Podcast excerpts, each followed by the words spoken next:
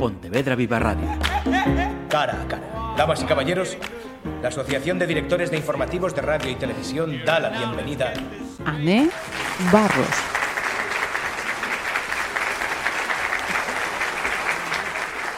Saudos, eh, comezamos o, o primeiro, podíamos decir, porque van pasar unos cantos nomes vencellados á vindeira festa dos libros que terá lugar aquí en Pontevedra entre o 7 e o 9 de xullo.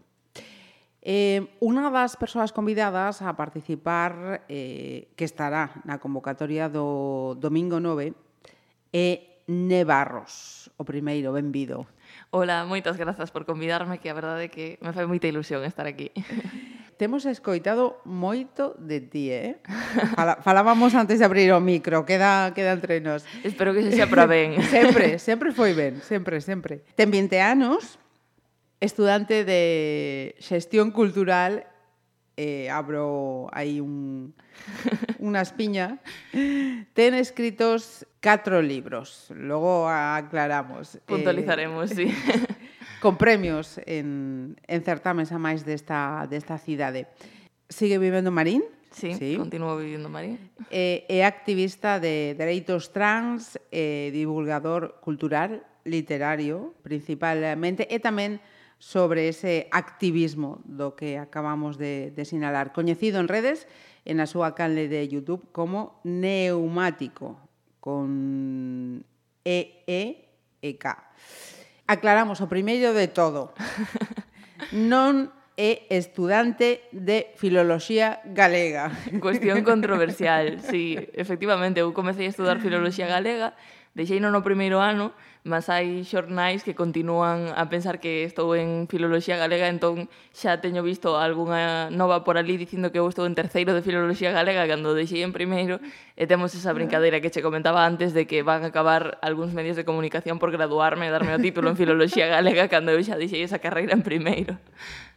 Xestión cultural, eh, como, como foi o curso, por certo? Ben, eh, é unha carreira que estou facendo a distancia, entón non teño moito esa perspectiva de vida universitaria ou non é como estar ali na universidade, pero bueno, aprobei todas, entón supoño que ben. Como decía, vas a estar o domingo eh, en dúas eh, convocatorias eh, seguidas. A primeira, alguén nos lembrará antoloxía de relatos LGBTIQA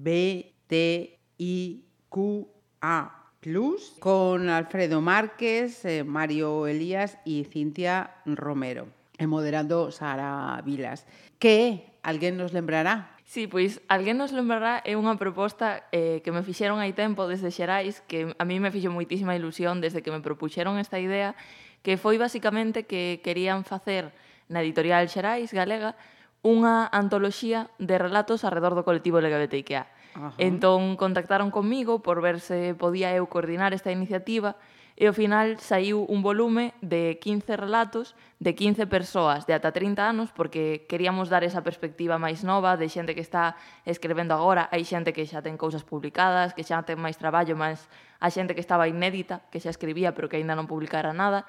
E son iso, 15 perspectivas diferentes, un dos relatos é meu, pero os outros 14 son de outras 14 persoas coas que tiven a sorte de poder contar, eh, todos alrededor do colectivo LGBTIQA+. Sí que é certo que eu cando lles propuxen esta idea ao resto de persoas non quixen darlles como moitas constriccións a hora de escrever, senón que quixemos facer...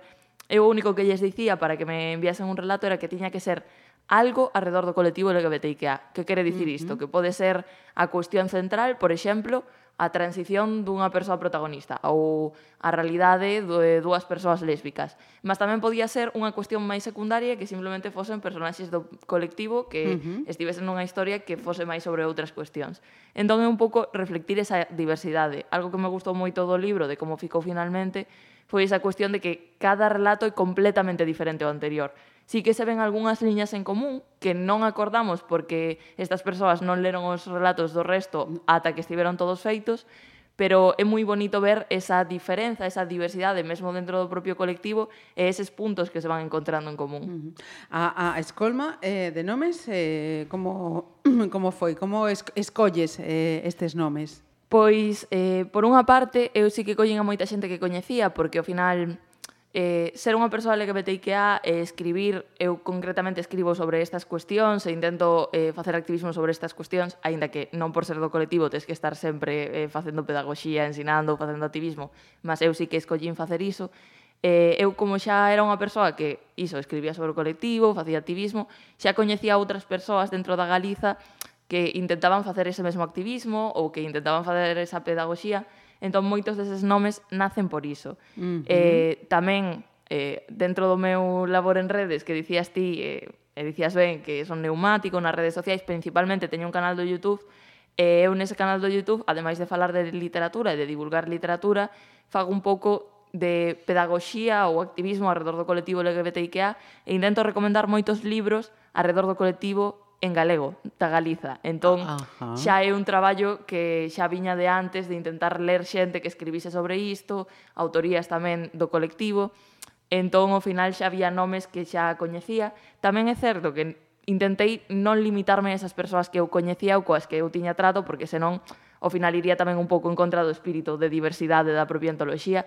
Entón, eu a medida que ia eh, pois chamando esas persoas, persoas que xa chamara inicialmente como eh, Malva ou Alfredo, que vai estar eh, aquí en Pontevedra na presentación que vamos ter na Festa dos Libros, tamén lles preguntaba, coñecedes máis xente, dicídeme nomes, eh, poñedeme en contacto, porque ao final eu non podo chegar a toda a xente, eu chego só claro. a xente da miña contorna. E tamén dentro disto, eh, intentamos pois eh, facer unha representación un pouco non quero dicir equitativa, pero sí máis diversa, porque hai certas realidades que no contexto galego moitas veces non están a ser representadas.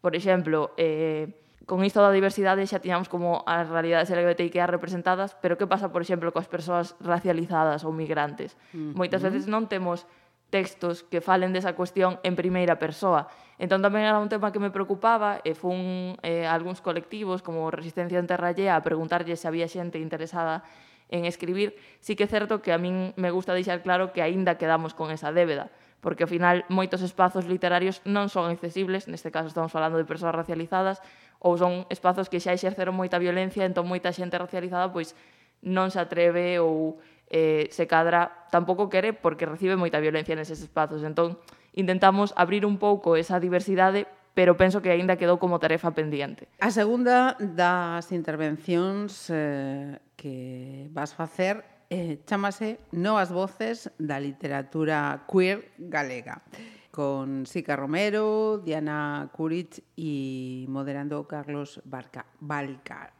Bueno, Pireino, va al cárcel. Como senta isto de que digan unha das voces da literatura queer galega? Convíntenos.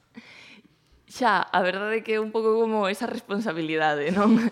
Sí que é certo que me fai moita ilusión estar nesa mesa porque son xente que eu admiro moito como escreve Sica Romero, por exemplo, que mencionabas que vai estar con Abelaiñas Eléctricas, tamén está na antoloxía, que foi unha desas persoas que eu antes mm, coñecía un pouco por esa cuestión de que eh, publicar velaíñas Eléctricas máis en persoa ou non tivera contacto directamente con ela e grazas a, is, a isto da antoloxía puiden coñecela pero sí que ao final é un pouco non sei, esa responsabilidade de vou representando a alguén, non, ao final non é cuestión de representar, senón de que estas voces sexan escoitadas e de que haxa espazos específicos para escoitar estas cuestións, porque moitas veces se non poñemos o foco, parece que non hai unha literatura, eh, bueno, queer, a min sempre me gusta explicarlo por se hai xente que non coñece moito estes termos ou non está Imos. familiarizada. É basicamente un termo paraugas que se pode utilizar para persoas que saen do que consideramos normal con respecto ao sexo, ao xénero, a orientación, a todas estas cuestións. Entón, sí que me parece moi importante que exista esta luz, esta, este foco que se está poñendo, pero tamén é como, por outra parte, jo, que guai estar aí e, e que presión. o orgullo e a responsabilidade, non? Aí, claro. Bien. Tes escritos catro libros, e decía, mm, imos a, a precisar. Contanos. A ver, eh, na Wikipedia sí que pon que escribín catro libros. Eh, realmente aparece a metamorfose forzada ou xuizo nun acto, uh -huh. que é así como o primeiro que aparece, que é de aí máis tempo, mas iso realmente non é un libro, senón que é unha pequena obra de teatro que eu escribira para o quinto, creo que era certame test teatro, que era un certame eh, de entre institutos de teatro breve, Eh, un dos premios era que fose publicado na RGT, na Revista Galega de Teatro, e publicouse así un caderno pequeniño que son como 10 páxinas que a xente pode buscar en internet e pode lelo, está accesible a todo o público. Entón, moitas veces, eu iso tampouco considero como un libro. Uh -huh. Despois o seguinte foi, o seguinte en publicarse foi 19 poemas para un virus 19, que foi eh, un pequeno poemario que tampouco era un poemario porque tiña a forma dunha obra de teatro, mas tampouco era unha obra de teatro porque tiña eh, ese non sei se decir espírito dos poemas de estar máis en verso, de esas reflexións máis persoais, que, bueno, despois a poesía e o teatro poden fluir máis, mas era como unha mestura desas dúas cuestións, que foi autopublicado. E foi autopublicado coa axuda de Arte Calavera, Ajá. que é a xente de Estudo Novo, que son aquí tamén de Pontevedra. Uh -huh. E foi algo que eu escribín eh, máis ou menos durante o período do confinamento, da pandemia, e que foron un pouco botar por fora eh, reflexións non só sobre esta cuestión da pandemia, porque xa era algo como que se repetía moito, senón sobre como intentamos encaixar todo e como hai xente que saímos desas caixas, que estamos máis nas marches. E despois publiquei Identidade, a normalidade do non común, que é unha obra de teatro que foi publicada na editorial Galaxia no 2021, mas é certo que realmente, aínda que fose como eh, despois de 19 poemas, era algo que eu xa escribira antes, porque eu identidade escribino con 14 anos, eh, xusto cando eu saín do armario como persoa trans, é un libro que fala precisamente desta realidade, da realidade trans, o que pasa que tardou moito o proceso de edición desde que eu escribín ata que eu ata publiquei. Que, uh -huh. Claro, porque eu escribira en 2017, publicouse no 2021, houve unha pandemia de por medio. E despois, o máis recente é eh, Non estamos quebrades, que é un libro que está publicado en Cuarto de Inverno, que a min iso faime moitísima ilusión porque é unha editorial que me parece lindísima, que coida moitísimo a edición, que traballa moi man a man coas persoas que escreven e que teñen un esforzo detrás moi considerable para ser unha editorial pequena, independente. E basicamente foi un libro co que gañei o quinto premio María Victoria Moreno de literatura infantil e juvenil, que está aquí tamén do Salón do Libro de Pontevedra, uh -huh. o Concello, Cuarto de Inverno. É un libro que basicamente fala eh, sobre sair de festa e sobre cuestionar a, a túa sexualidade, porque era un libro que intentaba pois recoller diferentes experiencias que eu vexo no meu día a día, que ao final isto é algo que intento facer con toda a miña literatura.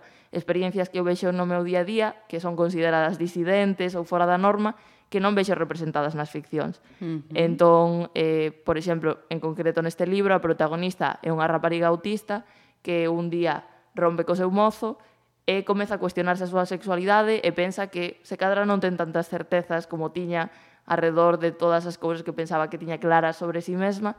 Entón, co seu mellor amigo, comezan a sair de festa e se empeza a ver esa cuestión de como é sair de festa, son accesibles os espazos para unha persoa autista, tamén por outra parte o cuestionamento da sexualidade, coñecer outras realidades coas que se cadra non temos eh, tanto contacto no noso día a día uh -huh. e como é esa aprendizaxe. Entón, eses son os catro, creo. Despois, eh, o de alguén nos lembrará é eh, non escrito 100% por min, senón que eu coordinei e teño un relato aí. O que falábamos a, antes. E como dis, empezas a escribir con 14 anos. Foi para desenvolver eh, esa a, afección que, que ti tes, eh, que se estás a desenrolar pola, pola escritura, ou para sacar fora necesidades personais, ou ambas as dúas? Eu realmente escribía desde antes, o que pasa que non escribira nada longo antes Ajá. ou nada, si que escribía sobre todo moito relato. E a cuestión é que eu levo moito tempo eh, vinculada ao teatro, sobre todo a través de xente como Migallas. Ah, Migallas. Teatro é unha compañía de teatro, eh, especificamente teatro accesible para público infantil, que concretamente aquí en Pontevedra teñen como unha historia eh, moi coñecida por moita xente que pode escuitar este programa que é a cuestión de que tiñan no Pazo da Cultura uns obradoiros que facían todos os anos con un monte de crianzas e xente adolescente que estaban moi guai, porque eu crecín neses obradoiros e basicamente era un espazo onde podíamos pois libremente eh, aprender o que era o teatro e non dun xeito moi académico, é dicir, non tiñamos guións, senón que improvisábamos, eh, facíamos obras alrededor de cuestións que eu a día, a día de hoxe me axudan moito no meu día a día porque aprendíamos sobre cuestións como eh, pois mulleres pintoras, Maruja Mayo, eh, Castelao, eh, tamén historia en xeral, eran cuestións que nos quedaban moito mellor e que nos axudaban a desenvolvernos, a aprender a improvisar, eran moitas ferramentas que no noso día a día nos axudaban moito. Entón, eu a través diso, e tamén de que xa viña facendo teatro de antes, con grupos como AFI, que tamén foi un grupo que houve en, en Pontevedra, que era aula de folk infantil, uh -huh. eh, que facíamos sobre todo música, mas tamén había esa parte teatral, sempre estiven moi vinculada ao teatro e a facer teatro. Eu tamén ia moito ao teatro nos eh, domingos do principal, eh, teño esa visión aí de estar eu sempre ou no teatro ou en xente contando historias, entón eu bebín moito diso e para min foi como un paso moi natural comezar a improvisar e tamén escribir un pouco esas improvisacións ou mm. ese teatro e a partir de aí foi un pouco a partir de cando comecei eu a pois intentar facer esa obra de teatro que é identidade que aparte nace por esa cuestión de que eu ia moito teatro, eu ia moito a xente que contaba historias, eu tamén facía moito teatro, mas non vía persoas trans representadas nese teatro. Entón foi esa necesidade de representación.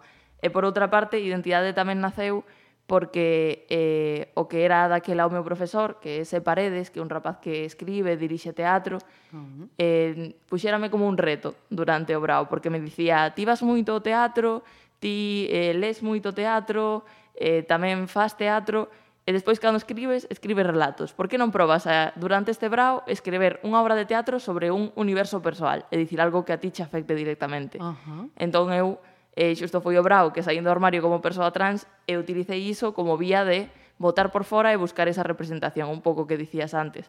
Eu escribo para iso, para votar por fora e para buscar esa representación. Algún destes títulos o que te sintas máis orgulloso? Ui, eso é moi difícil, porque sí. realmente cada un... Algún É unha eh, criatura coas súas particularidades, non? Eu non sei se apropiarme do disto de son como os meus bebés porque eu nunca tive un bebé, entón non sei como é esa experiencia, pero sí que é certo que cada un ten a súa relevancia para min ou ten aprendín cousas diferentes no proceso de facelo. Uh -huh. Por exemplo, con identidade para min foi un libro que foi fundamental e que a nivel persoal a min axudoume moitísimo porque eu xusto estaba nese momento de sair do armario como persoa trans, precisaba esa representación, estar escribindo ese libro axudoume a ter esa representación e por outra parte, aínda que o libro non vai sobre min, si que é unha historia ficcionada, pero ten moitas cousas de min, eh, tamén me axudou a intentar ver outras perspectivas. Porque eu, por exemplo, estaba nun momento en que a xente da miña contorna, por non ter esta información sobre a realidade trans, pois a cadra se fechaban a intentar entendelo nun primeiro momento, E a min tamén me axudou a intentar entender como esas persoas se fechaban, por que se fechaban e como tamén podía eu axudalas. Que ás veces é tamén un pouco difícil falar destas cuestións porque ao final ti cando saes do armario, ademais que se che xixa pois ter que estar explicando todo o tempo é algo moi canso, é algo que é normal que a xente lle canse, pero a min facer esta obra axudoume iso, a entender esas outras persoas e intentar explicarllo tamén.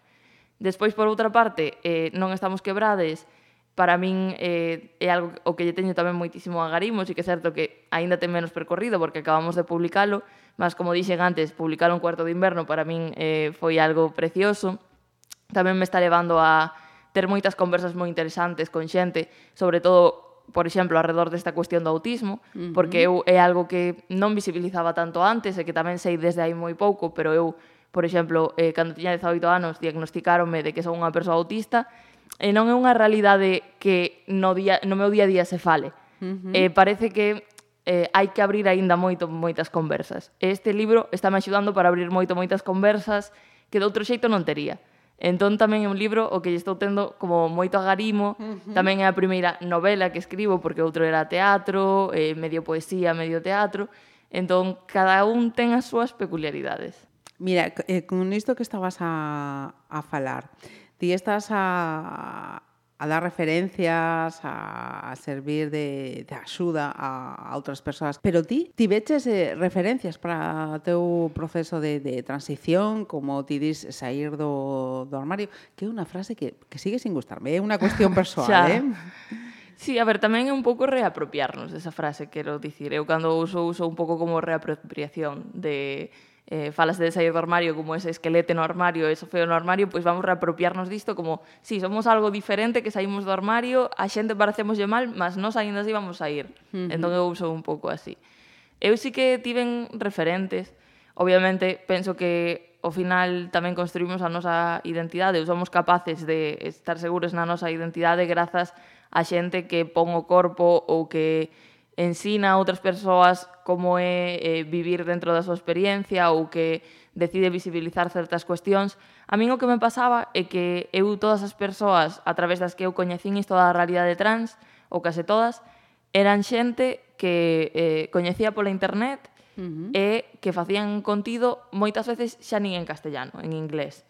Entón era como unha realidade que eu vía, que me sentía identificada e que me axudaba como a poñerlle nome a moitas cousas que eu xa vivía de antes, pero que non sabía como explicar, pero claro, faltábame esa realidade de pois aquí tamén existe xente trans, aquí tamén é posible vivir sendo unha persoa trans na Galiza e ser unha persoa feliz, eh, pois non, non hai nada errado en que sexas unha persoa trans. Entón, eh, para min unha persoa que foi bastante referente, aínda que non sexa unha persoa trans, foi, por exemplo, Eva Mejuto, porque Bame Juto escribiu o primeiro libro que eu lín en galego cunha persoa trans, que foi 22 segundos, que de feito eu coñecín a Eva a través dese libro, uh -huh. eh, coñecín na festa dos libros, tamén por iso é importante que estes libros tamén tomen estes espazos.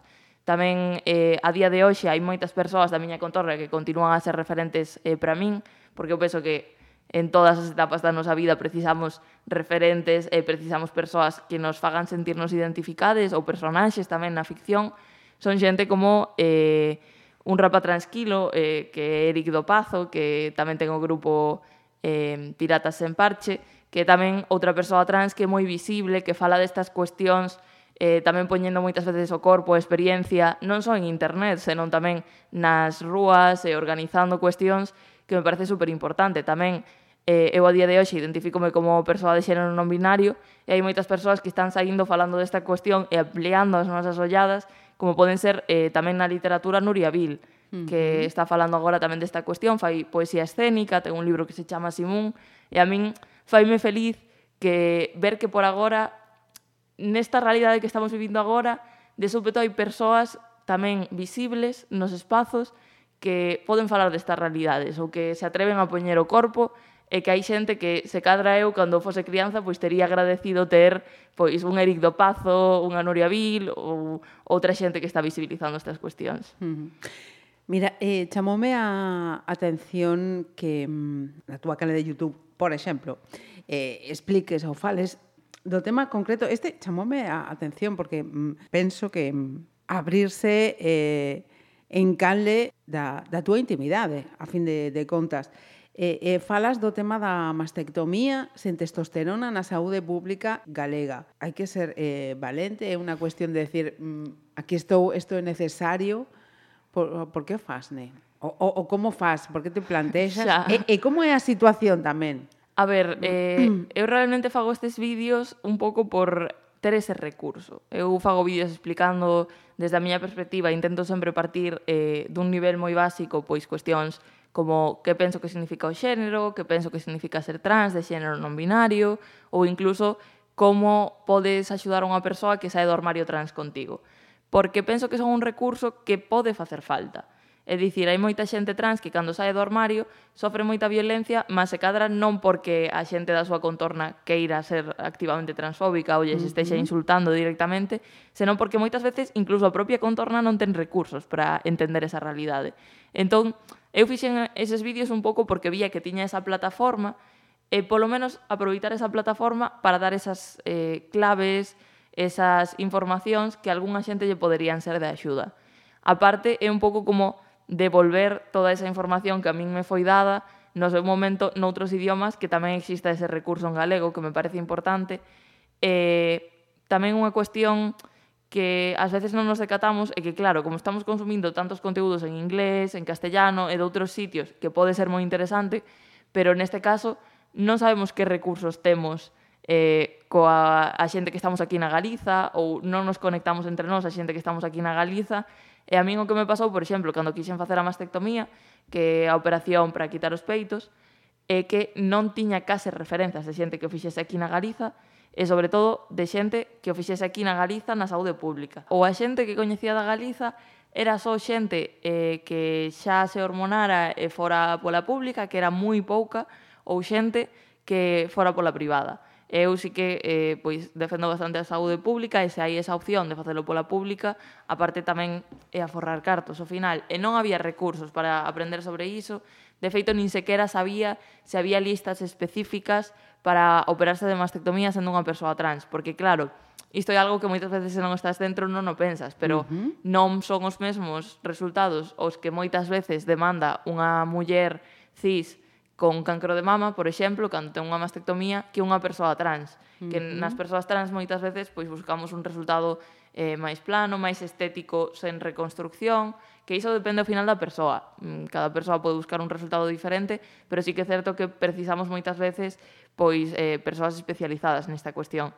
Entón eu estive moito tempo preguntando, moito tempo investigando e grazas a iso de que eu teño contactos en asociacións, eu teño xente próxima que xa fixo esta operación, pois puiden ter o recurso de eh, en saber, enterarme de que en Santiago pois facían esta operación eh, sempre que, bueno, eh, a persoa solicitase, eh, non facía falta eh, hormonarse antes, que algo que en moitos sitios sí que che din que é necesario, pero en Santiago non era necesario, Entón, foi un proceso que a min me levou tempo, eh, levoume tempo por eh, solicitar a derivación desde Pontevedra, ao principio denegaronma, despois tiven que volver a insistir.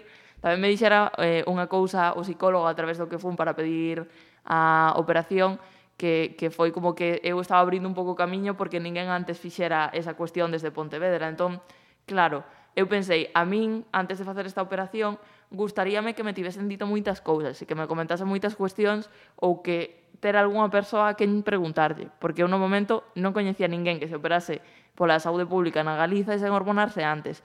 Entón, dai saiu un pouco o vídeo, e tamén saiu un pouco para eh, contar unha experiencia realista.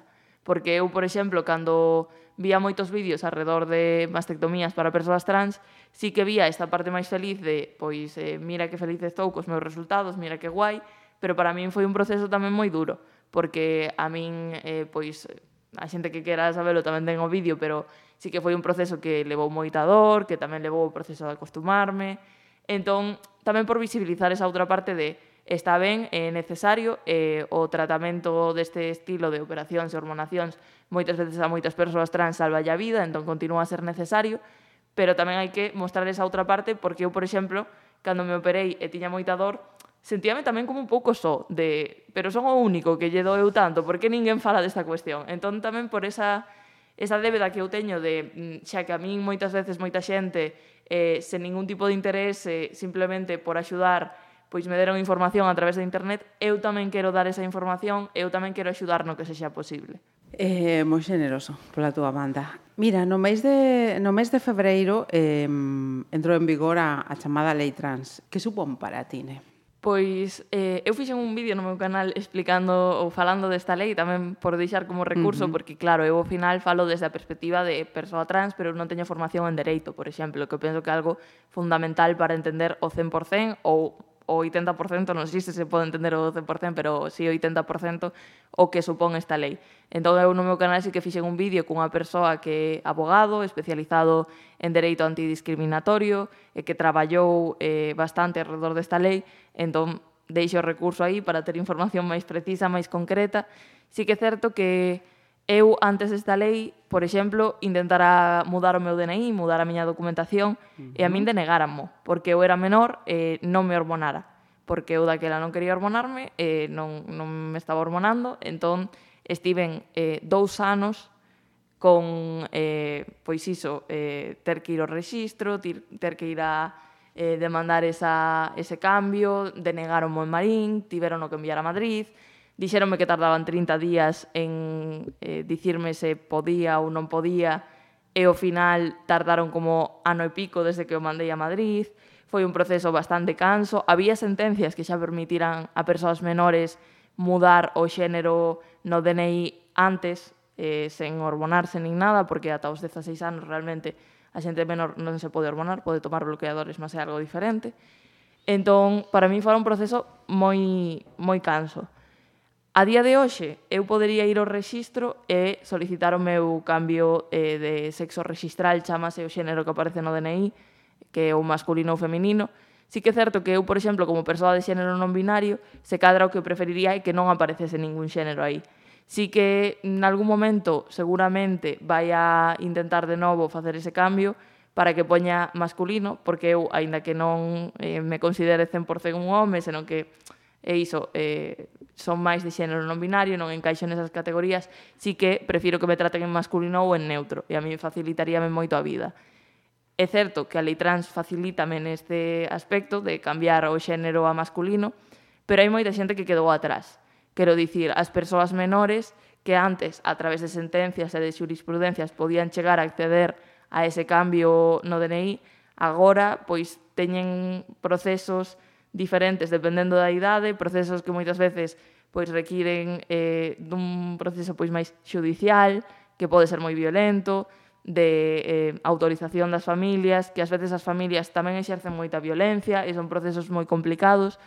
E tamén quedou atrás a xente non binaria, e quedou atrás a xente migrante, que está nunha situación que sí que hai algún epígrafe específico, pero non se sabe moi ben como se vai levar a cabo. Ademais, agora hai moita xente ameazando con derogar a lei trans, que iso non é algo que sexa simplemente negativo para o colectivo trans, que é algo que tamén temos que interiorizar, porque se se bota para atrás a lei trans, de súpeto xa non hai esa protección extra que había para o resto do colectivo, que había pois moitas medidas que sí que non estaban como 100% definidas, uh -huh. pero outras sí que eran máis concretas e supuñan un avance, como a inversión de carga da proba.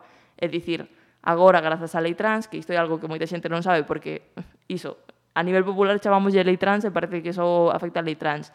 Pero, por exemplo, a inversión da carga da proba era unha medida Eso, que permitía... Eso, teño escoitado para o tema do narcotráfico e delitos de, de ese tipo. non sei. No. Pero eh, era unha medida moi importante porque permitía que se eu, por exemplo, sufro discriminación por ser unha persoa trans ou non ten por que ser persoa trans, senón un home gay ou unha muller lésbica nun ámbito de traballo, con tal de que presente eu eh, unha proba medianamente suficiente, non son eu quen ten que estar detrás intentando probar que me discriminaron, senón que ten que ser ao revés. A persoa que me discriminou que prove que realmente non foi así. Para que a xente que nos escoite o entenda un pouco, porque algo un pouco lioso, é, por exemplo, algo semellante ao que pode acontecer cando unha persoa embarazada é discriminada ou é despedida por estar embarazada e pois sería a persoa que despediu quen ten que probar que non foi por iso. Uh -huh. Entón son sí, recursos sí, sí, que tamén que tamén axudaban ao resto do colectivo. Tamén había outro que era un recurso que permitía que eh, non fose a persoa víctima dunha agresión, ben fose transfóbica, homofóbica, bifóbica, quen denunciase a agresión non tiña que ser sempre ela, senón que podía estar representada por un colectivo, eh, unha asociación, eran recursos que axudaban, porque sabemos que cando moitas víctimas de LGBTIQ-fobia eh, deciden denunciar unha agresión, sufren máis violencia por culpa de ir a denunciar, porque moita xente que ten que tomar esa denuncia, ben se xa a través de xulgados, policía e de todos estes procesos que se dan, son xente que non está formada en cuestións de LGBTIQ a fobia, e que se cadra se faz a través dunha asociación, pois pode haber eh, xente formada nesta cuestión que che pode axudar máis. Pero, eh, claro, agora estamos con todas estas ameazas de que se vai tirar atrás, de que, non sei, é unha cuestión moi complicada. Entón sí que é certo que o día que entrou en vigor a lei trans, eu creo que non lle cambiou a vida a ninguén a ninguén. colectivo, uh -huh. pero sí que eh, achegaba algunhas ferramentas que despois poderían ser máis traballadas ou máis perfeccionadas e quedaba xente atrás, migrantes, non binarias, as persoas menores parecía que estaban nunha situación peor, pero sí que había ferramentas. Entón agora dá un pouco de medo esa perspectiva de se se vota para atrás, como quedamos, eh, tamén non é só pola lei trans, senón por toda esta cuestión que parece que dá medo do avance da ultradereita, de todas estas cuestións que ao final non nos afectan só as persoas trans, senón que ao final o que afecta a diversidade, eu sempre digo que afecta a todo o mundo, porque nun momento se están rindo de min ou perseguíndome a min ou insultándome a min, pero esa mesma persoa, en canto acabe comigo, vai ir contra outra persoa que ve diferente.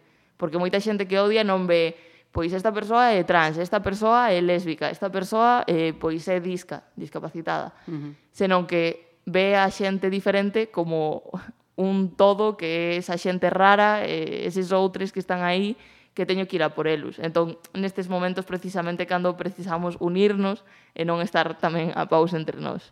Eh, vou preguntar entón o xestor cultural estás estudando, pero eh, tes falado eh, do eido eh, literario no teatro, da túa experiencia no teatro, da túa experiencia eh, como escritor. Fáltame unha cuestión da música.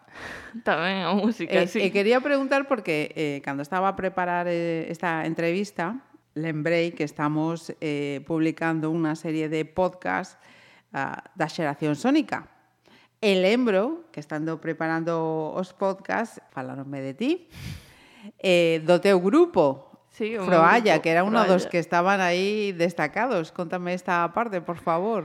Sí, pois eh, a verdade é que eu agora, agora mesmo, a día de hoxe, eh, o grupo de Froalla está parado, e non creemos que vayamos continuar con Froalla, así que é certo que poden continuar outros proxectos para adiante, ou se cadra nos retransformamos en algún momento e volvemos a colaborar, non hai malos rollos, pero sí que eh, eu tiña un grupo que se chamaba Froalla, que era un grupo en galego de eh, non sei se chamalo pop rock, dánseme fatal isto dos xéneros, eh, dos xéneros musicais aínda máis, pero basicamente era a través da iniciativa Xeración Sónica, sí. que é unha iniciativa eh, de estudo novo en colaboración co local de ensaios de Pontevedra, que tamén foi outra destas iniciativas que para min foi moi importante a hora de desenvolverme como persoa e sobre todo, non sei se dicir como artista porque me queda así un pouco grande. Estabas no baixo, ¿no?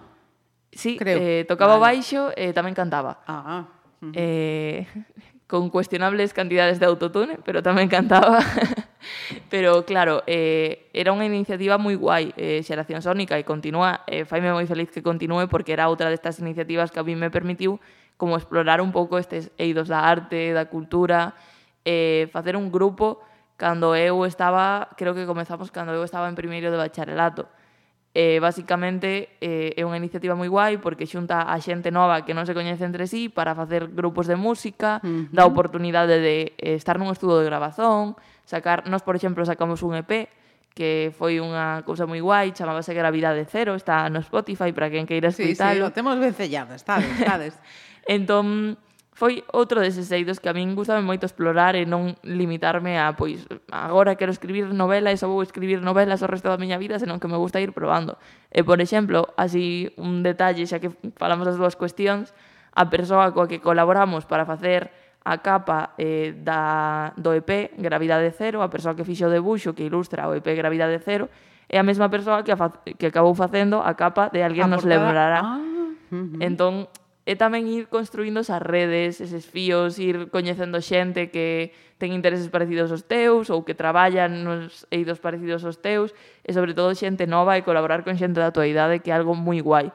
Eh, estudo novo en xeral, pareceme un espazo xenial para iso, porque a min algo que me dicían moito cando comezaba a publicar ou cando comezaba a facer cousas era sempre, boa, pero que novo eres, eh, que ben que fagas todas estas cousas, eh, había profesorado que me dicía porque o meu alumnado non fai nada ou por, xente que me dicía porque as miñas crianzas na miña casa non fan nada pero a min pareceme como moi inxusto cada vez que me din isto porque eu vexo que cando se lle dan espazos ás crianzas e a xente nova, xente adolescente, realmente Aproveita sí que estamos facendo cousas. O que pasa é que moitas veces só se escuita a xente como eu, que xa teño libros publicados ou que xa fixen cousas.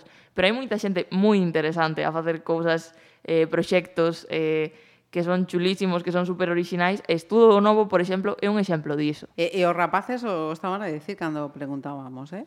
Pois, Nevarros, un placer eh, coñecerte, eh, un placer saber que temos aquí a, a un mozo que é unha das novas voces da literatura queer galega. Un placer. Canta presión. Moitas grazas no, polo convite. Eu... Se ti mesmo, nada máis. Con iso é suficiente. Moitísimas gracias, Nek. Grazas a vos, eu pasei no genial. E tamén hai de dicir que tamén é certo eh, privilexio que eu poda estar aquí, que se cadra hai máis xente facendo cousas interesantes que non está chegando, pero que eh, sempre está guai traballar porque se escoiten novas voces e hai outras moitas voces moito máis interesantes e eh, que teñen moitas máis cousas de contar que tamén teñen que ser escuitadas. Entón, iso, non só so, eh, que a xente non só so escuite a xente que pode chegar aos puntos máis de poder ou que lle parece como máis cómoda de escoitar, que tamén escoitemos a xente disca, racializada ou que nos parece incómoda. Pontevedra Viva Radio. ¿Me permiten que les haga un comentario como espectadores del programa Cara a Cara? Según un reciente sondeo de mercado, ustedes disponen de estudios e inteligencias superiores a la media. Sus intereses abarcan desde la actualidad mundial y la ciencia hasta el deporte y los espectáculos.